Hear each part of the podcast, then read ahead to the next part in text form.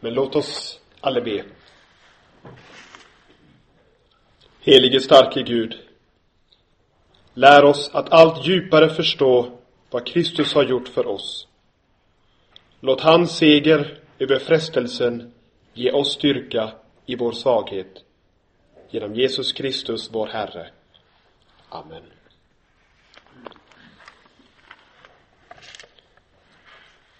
Upplyft era hjärtan till Gud och hör den här dagens heliga evangelium. Så skriver evangelisten Matteus kapitel 4 från vers 1. Och jag läser på svenska. Sedan fördes Jesus av anden ut i öknen för att frestas av djävulen. Och när han hade fastat i 40 dagar och 40 nätter blev han till sist hungrig. Då kom frestaren fram och sa till honom Om du är Guds son, så befall att de här stenarna blir bröd.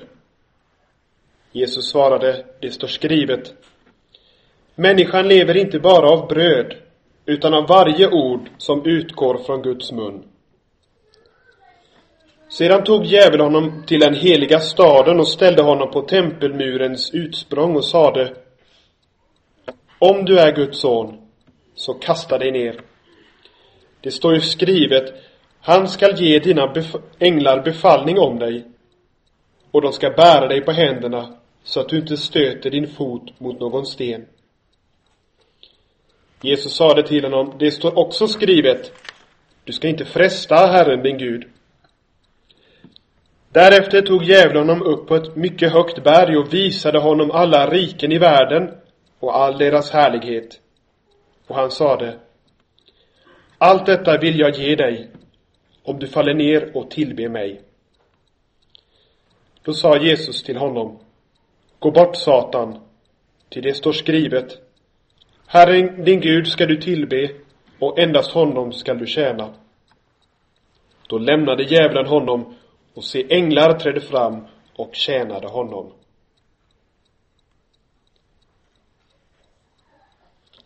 Helige Fader, hellige du oss i sannheten, ditt ord är sannhet. Amen.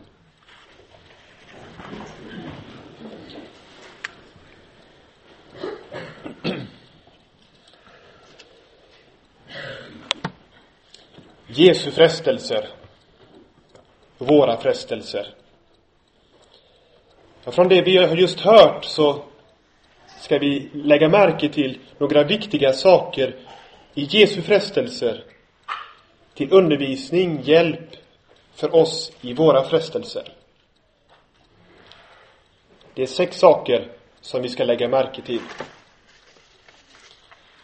Först frestelsens tillfälle, som ofta är när vi är svaga. Jesus drevs ut i öknen och efter 40 dagar utan mat så var han hungrig. Han var svag. Vi minns Israels barn som vandrade 40 år i öknen. Försvagade, trötta. Och då uppstår alla former av frestelser. Vi kommer ihåg Israels barn. De blev törstiga och började att ställa frågan, frestades till att tro, är Gud med oss? Egentligen.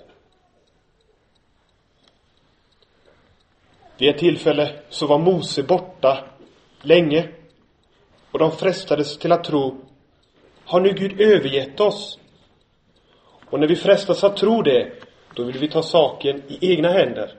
Så vad gjorde de? De gjorde sig en egen gud, en guldkalv, som skulle leda dem. De blev attackerade av fientliga trupper, arméer. Och vad frestades de tro när de var så rädda, rädda för livet? Jo, att Gud, han må ha frälst dem ut ur Egypten, men nu har han fört oss hit ut för att dö.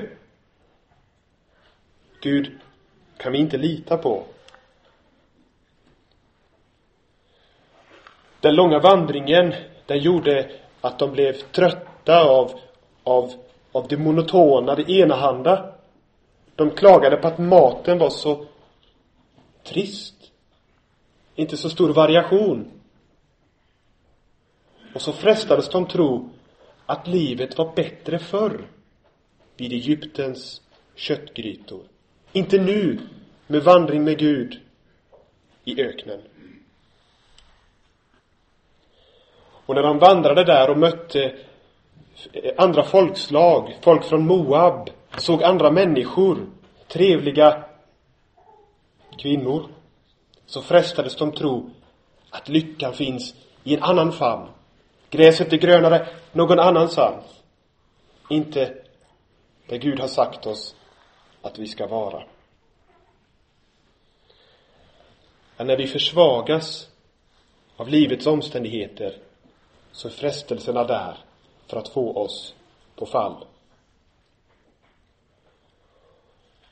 Och när är vi svaga? Vi lever i ett rikt land med hög välfärd. Vi saknar inte bröd. Men vad är vår svaghet? Var är vi svaga? Var frestas vi på fall? För det andra, detta var något om frestelsens tillfälle. För det andra något om frestelsens udd eller spjutspets. Vad är det frestelsen vill komma åt? Ja, den är inriktad på själva barnaskapet, eller ofta är det så i alla fall. Vem är jag? Lyssna på djävulens frestelser mot Jesus.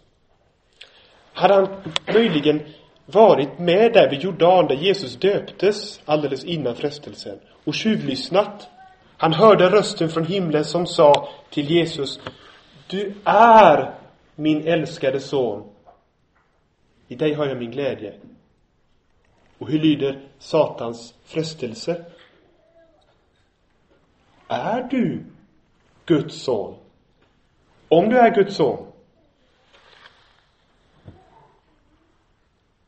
Här hör vi egentligen den första frestelsen som djävulen en gång uttalade. Och jag skulle vilja säga, kanske den enda frestelse som finns. För Jesus har hört, du är min älskade son. Och så kommer djävulen, är du? Om du är. Hur, var, hur löd den första frestelsen? Har Gud sagt? Den första ja, den enda frestelsen egentligen. För när frestelsen får ett grepp om oss så öppnar sig hela lögnens avgrund. Ja, om Jesus hade börjat tvivla på att han är Guds son, som Fadern sagt. Vad hade hänt? Kan vi ställa oss frågan. Ja, för det är genom att rubba vissheten om vårt rätta jag, att vi får vara barn hos vår himmelske fader, så som Jesus var Guds älskade son. När detta rubbas, när det rivs ner, denna trygga visshet, så påverkar det de två mest grundläggande dragen i vad ett barn, ett Guds barn, kan förvänta sig av sin himmelske fader. Ett barn. Tänk er det lilla barnet när du tänker på dig själv som ett Guds barn. Jag tänker att min kära himmelske far ska förse mig med allt det som jag behöver. Det var det vara må, kläder, föda, hus och hem. Han skall ta hand om mitt liv. Så som Jesus inte behövde vara orolig för att, Jesus, att Gud inte skulle förse honom med bröd. Och det andra grundläggande draget i barnaskapet. Jag vet att min käre himmelske fader ska beskydda mig från allt ont. Vad det vara må. Mot fall, stenar, döden. Han är mitt skydd. Om du är Guds son, säger djävulen. Och redan tvivlet är en katastrof. Vad är svaret på alla frestelser? Skyddet eller mot mot elden mot djävulens attacker. Om han ställer frågan, har Gud sagt? Är du Guds son? Så är förstås svaret, Gud har sagt. Jesus skulle kunna säga, Gud har sagt, jag är hans älskade son. Det som har utgått från hans mun, det lever människan av. Det lever du och jag utav. För det är som ett Guds barn en människa ska leva. Inte i första hand av bröd, utan av det som Gud är och ger. Så som Jesus också säger i bergspredikan, sök först Guds rike, fadersfamnen, tryggheten, beskyddet, allt. Men djävulen vill vända på det så att vi först börjar att söka bröden och så trassla in oss i bekymren över livet, över beskyddet, över tryggheten, över meningen, över lyckan. Så ställer han denna första grundläggande fråga för att dra oss ner i bekymren om brödet och beskyddet. Är du Guds son? Är du Guds barn? Nej. Då måste jag ta det i egna händer.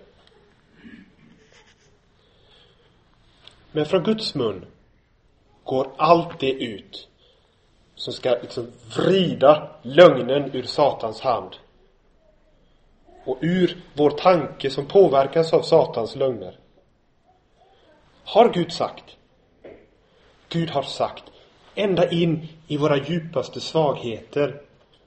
Där vi är rädda, trötta, törstiga. Där talar Gud. För att vi ska svara på frestelsen. Gud har sagt. Jag ska inte frukta. Jag saknar inget. Där vi blir rädda och vi frestas att ta saken i egna, kanske orätta händer. Där har Gud sagt. Var inte rädd. Jag är med dig. Frukta inte. Gud har sagt, det ska jag ta som mitt vapen i alla frestelser. Eller kanske där ekonomiska bekymmer hopar sig. Jag fruktar för livet, för morgondagen. Och tanken får fäste att Gud kan inte se mig. Han kan inte bistå. Han kan inte hjälpa. Där talar Gud till sitt barn. Jag ska aldrig lämna dig eller överge dig. Och har Gud talat så behöver han inte bevisa att det är sant, det som han har sagt. För han har talat. Och därför ska vi liksom leva av orden som går ut från Guds mun. Vi behöver äta det för att befästas i det i vårt barnaskap.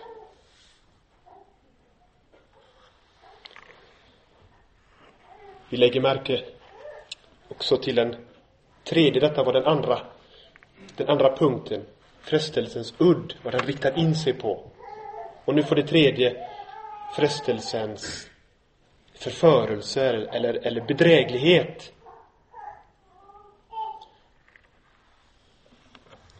Lägg märke till djävulens andra frestelse. Nu har han märkt att Jesus använder andens svärd mot honom. Vad Gud har sagt, det som går ut från Guds mun, det är det som gäller. Så märker djävulen här att, okej, okay, nu kommer Jesus här med Guds ord. Det kan jag inte stå emot. Så vad gör han? Då tar han Guds ord och förvränger det. Han lämnar ut en liten halv vers. Så lite, men ändå så mycket. För kan han få Jesus att ta Guds ord förvanskat eller förvrängt till vapen så är det inte längre ett vapen. Så han tar skriften och förvränger den. Och det här upplever åtminstone jag som en av de värsta attackerna mot, mot Guds folk i modern tid. Att vi ständigt får, får eh, strida om skriften. Det läggs till, det dras ifrån, det förvrängs, det förvrids. Och vi lämnas i ändlösa diskussioner om skriftens mening för att göra oss så förvirrade och osäkra om sanningen så att vi står där utan vapen i frestelsens stund. Sanningen är så viktig därför att den gör oss fria. Om jag får berätta en berättelse. Det var en hemlös, föräldralös pojke i det stora landet Amerika. Han blev attackerad av ett våldsamt gäng som slog honom och misshandlade honom. Och han hade dött om inte en man hade kommit och gripit in och räddat honom undan döden. Men han var slagen. Så mannen förde honom till sjukhuset, hospitalet. Och i Amerika måste man betala för sin sjukvård. Och mannen sa, jag betalar. Vad det kostar, så betalar jag. Så att pojken blev frisk och fick tillbaka sitt liv.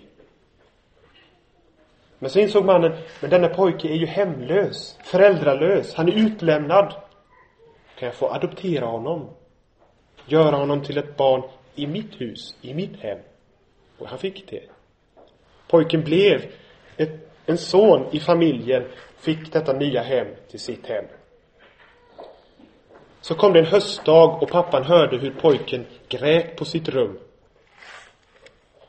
Och pappan kom och frågade sitt barn, varför gråter du? Och pojken svarade, jag är så rädd. Jag är så orolig för vinterns kyla, för de hårda, kalla nätterna på stadens gator och gränder. Jag är så rädd för vad som ska hända mig. Och pappan svarade, min son, räddade jag dig inte ifrån döden? Betalade jag inte för ditt liv? Gav jag dig inte mitt eget namn? Hur skulle jag kunna överge dig nu? Var den här faderns kärlek på riktigt? Var det på riktigt för sonen? För pojken?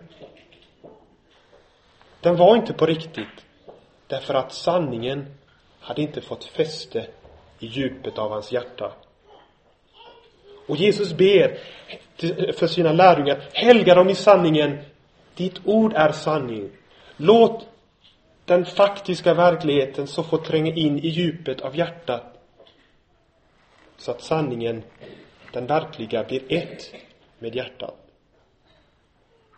Sanningens ande som leder oss in i hela sanningen. Som förhärligar Sonen, barnaskapets ande som i våra hjärtan ropar verkligheten. Abba! Fader. En fader i det höga. Ett nytt namn, Guds namn. En ny familj, ett hem, en tillhörighet, en verklighet. Sanningen är så viktig för verkligheten bakom sanningen är så viktig.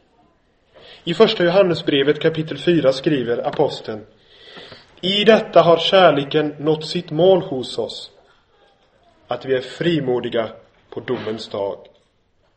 Ty sådan han är, sådana är också vi i den här världen. Rädsla finns inte i kärleken, utan den fullkomliga kärleken driver ut rädslan. Den här pojkens fader, hans kärlek hade inte nått sitt mål i den här pojkens hjärta och liv. Så att han kunde vara lugn, trygg, frimodig inför hösten och vintern och framtiden. Och varför hade inte kärleken nått sitt mål? Jo, därför att sanningen hade inte nått sitt mål. Men när fadern, likt sanningens ande, övertygade pojken om sanningen, om verkligheten, om kärleken, ja, då drevs pojkens rädsla och oro för framtiden och för livet ut ur honom. Men däremot, i rädslan och i oron, där frestas vi. Där är vi svaga. Där gror frestelsen och vill driva oss bort från allt det som barnaskapet med en sådan himmelske fader ger oss. Det var något om frestelsens förförelse. Där den vill driva Guds ord ur händerna på oss. Sanningen. För det fjärde, frestelsens kamp. Kampen handlar om att besegra djävulen, lögnens fader.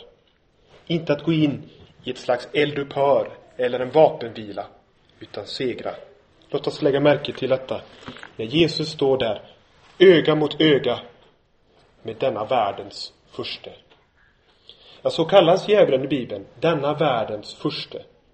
Världens, den är Herrens.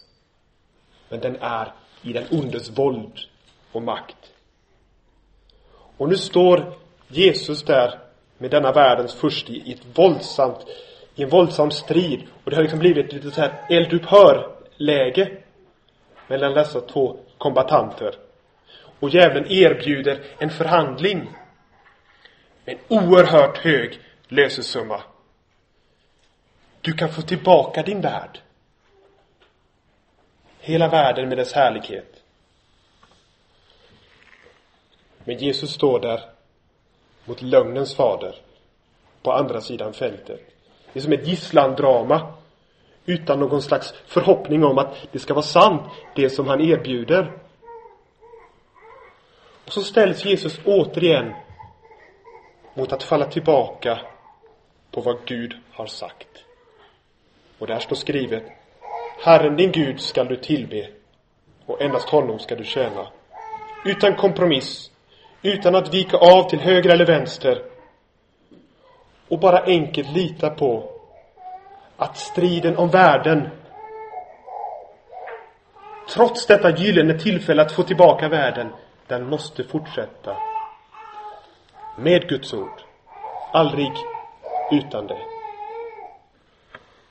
Det finns inga genvägar i kampen om världen. Det måste vinnas med kamp. Det måste vinnas med blod. Eller att hoppas på att lögnens fader håller vad han lovar. Så Jesus tar upp kampen med Guds ord. Och då kommer vi också till det fjärde, om frestelsens seger. Jesus fördes ut i frestelsens verklighet, alla de frestelser som också vi möter. Det är som ett enda stort slagfält där vi människor ska ut och frestas. Den ondes alla brinnande pilar letar sig ner över varje människa. Försöker att hitta de svaga punkterna. Akilleshälen. Förstår ni det ordet? Där jag har min svaga punkt.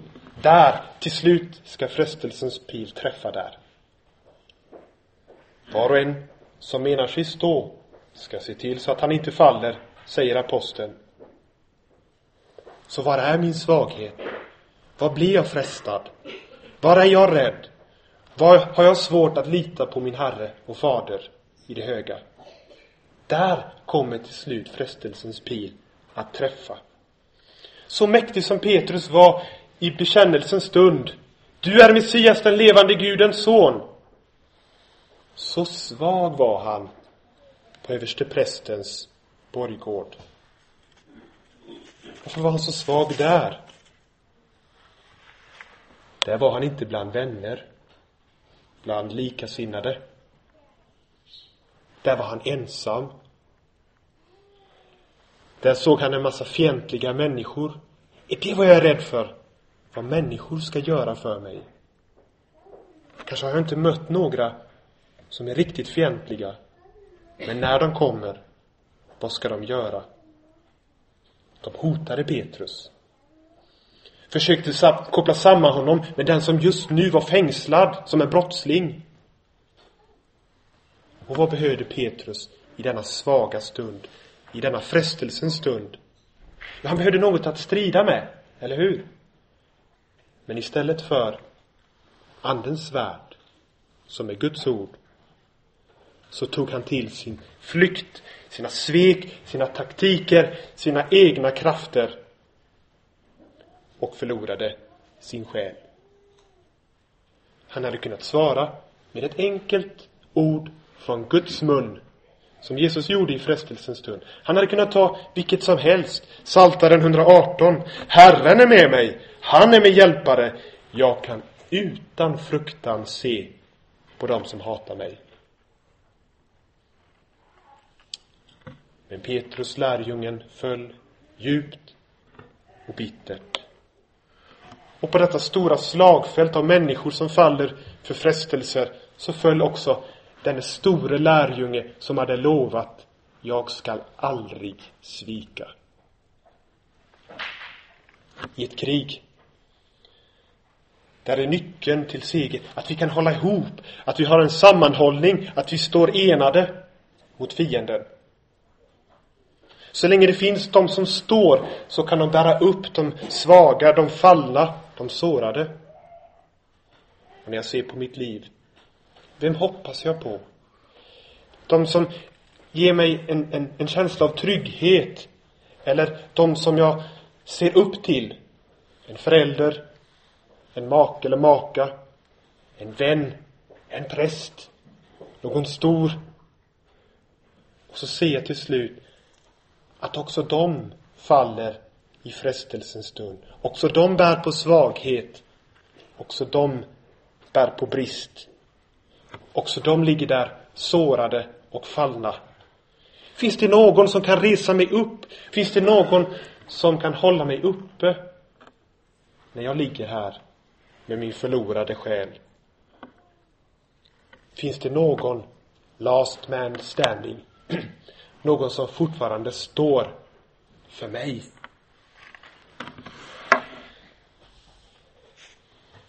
Så fördes också människan Jesus ut på slagfältet för att frestas med alla tänkbara frestelser.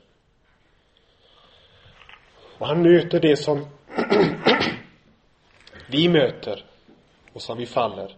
Pilarna träffar och når in bakom vårt sköld och vårt svärd och vår, och vår rustning. Och vi tittar också på denne siste man, siste människan. Ska också han falla i frestelsens stund? Men han faller inte. Han är the last man standing. Den siste som står där alla andra faller. Han bevarar sin själ. Han står fast i frestelsens stund. Också under dessa stora svagheten och pressen som han utstod. Och detta är så betydelsefullt och så viktigt. Och ett ämne att fira. När döden till slut övervann honom och han lades i en grav, den siste stående människan, the last man standing, så kunde döden inte behålla honom. Med hel kropp och själ står han upp ur graven och står där triumferande med segerns baner och blickar ut över ett slagfält fyllt av sårade, döende människor. Och han står upp och blickar ut med orden i Hebreerbrevet med medlidande med dem som har fallit. Frestelseberättelsens evangelium är inte i första hand att vi ska få hjälp att hitta redskap till att vi ska kunna motstå alla frestelser. Utan frestelsens evangelium är att han är den som står när allt annat faller. Ja, bra för honom kanske du tänker. Men tänk så här. Så bra, då finns det hopp. Då finns det en som står och som kan räcka ut en hand för den fallne. Och som vill det. Med medlidande. Han vet vad han själv har gått igenom. Och han vet hur svag en människa kan vara.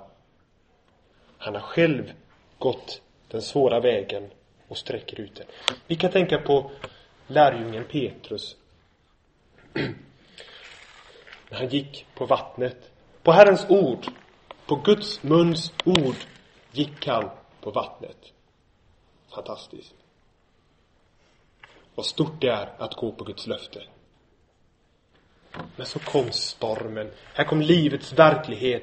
Vågorna som piskade honom i ansiktet. Regnet, mörkret, det stora djupet. Det fångade hans själ.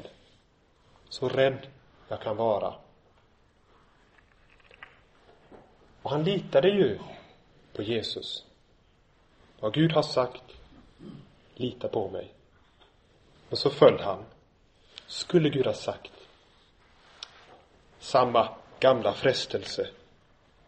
Ovädret tog Petrus själ. Eller kanske skulle säga rädslan och ovädret tillsammans tog hans själ.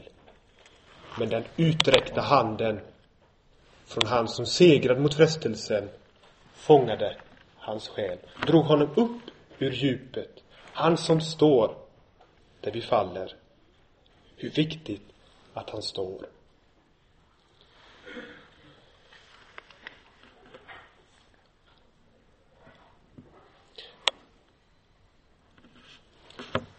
Jesus räddade Petrus där ifrån djupet därför att han kan göra det. Därför att han står. Därför att han står mot alla frestelser. Och till slut så ska vi tänka på den bilden av Jesus med utsträckta händer på Golgata kors.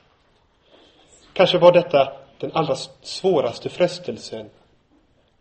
Först Getsemane. Frestelsen att ge upp. Ta detta ifrån mig. Men inte som du, Gud, vill. Inte som jag vill, utan som du, Gud, vill. Det här ibland kallas för den sista frestelsen.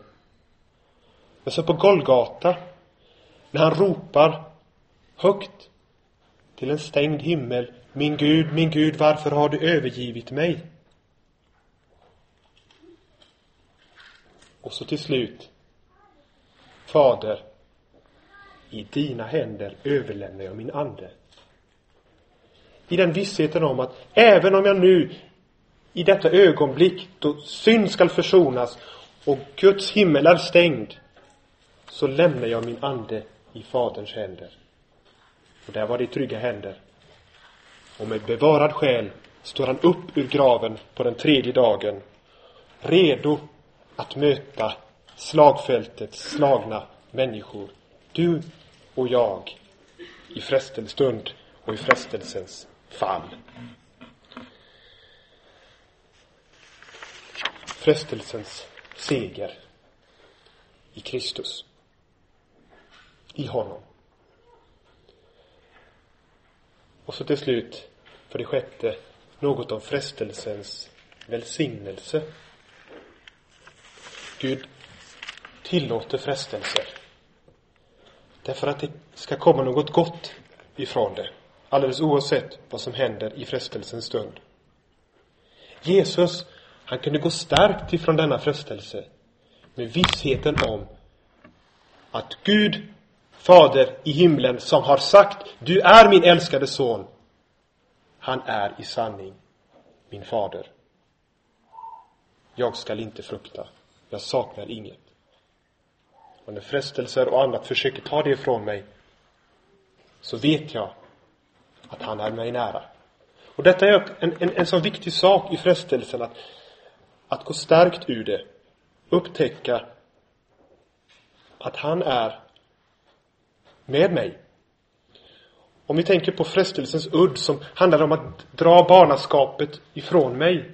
Få mig att misströsta om att min fader i himlen verkligen bryr sig om mig och finns där med mig. Så kan ju frestelsens stund och i frestelsens fall lära mig något. Vare sig jag har fallit eller har stått emot frestelsen. Han är att lita på. Han är med mig. Och det stora är, han är med mig i frestelsen. Jag kan använda hans ord mot frestelsen. Han är med mig när det verkligen står på sin spets. Och han är med mig också i fallet med en utsträckt hand till förlåtelse, till räddning och till liv. Jag är i Kristus och får vara det och frestaren kan inte rå på honom. Han har blivit utsparkad ifrån himlen, som det står i Uppenbarelseboken 12. Han som anklagade mig dag och natt för mina fall, för mina brister och fel. Han är utsparkad därför att Lammets blod sparkade ut honom. Lammets blod som utplånar min och hela världens synd. Om vi tänker på vår vän, vår broder Petrus. Vad kan han ha lärt sig av sitt fall? Av frestelsen som tog hans själ? Ja, han lärde sig nu något om sin egen svaghet. Jag är inte så modig när jag möter fientliga människor. Jag kanske inte ska säga, jag ska aldrig överge dig, om jag inte känner mig själv och min egen svaghet. Det lärde han sig. Och han lärde sig, det här kan hända igen.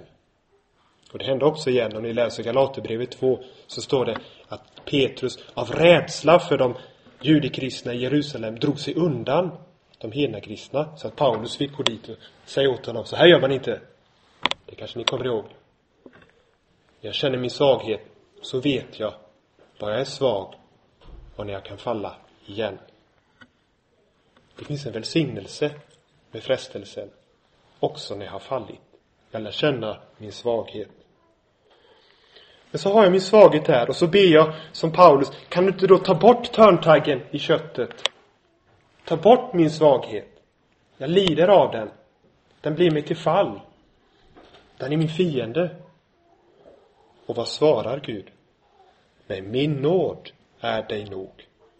Ty kraften fullkomnas i svaghet. Och så säger Paulus, därför vill jag hellre berömma mig av min svaghet som jag har upptäckt i frestelsens fall för att Kristi kraft skall vila över mig. Kristi kraft för Petrus, försoningen, att han efter sin uppståndelse kunde gå och säga särskilt till Petrus, frid vare med dig. Dina synder är förlåtna. Kristi kraft, hans trofasthet, bönen som bad för honom. Du ska falla, men jag har bett för dig att din tro inte ska bli om intet. Kristus, hans blick på Petrus i frestelsens stund. Kom nu ihåg att hela Jesu verk här på jorden handlade om inte att kämpa för sin egen skull bara, utan att kämpa mot frestelser för din och min skull. För att säkra ditt barnaskap i himlen. Så att du i livets alla skeden får tänka, jag är min faders, min himmelske faders barn. Och min fader i himlen, han vakar över mig i liv, död, i fattigdom, i rikedom, i brist, i nöd. Så som också aposteln säger, jag kan lida brist, jag kan vara rik, allt förmår jag i honom som ger mig kraft. Det säger den apostel som svarar, när jag är svag, då är jag stark, därför att Kristi kraft vilar över mig. Amen. Ära vare Fadern och Sonen och den helige Ande, som var och är och blir en sann Gud, från evighet och till evighet. Amen. Ta emot välsignelsen. Vår Herre Jesu Kristi nåde, Gud vår Faders kärlighet och den helige Ons samfund vare och blive med dere alle. Amen.